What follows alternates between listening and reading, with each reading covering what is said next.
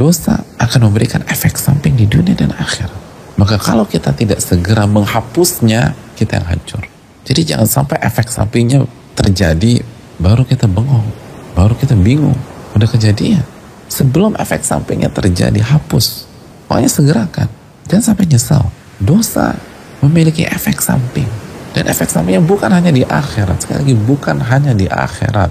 Tapi di dunia jemaah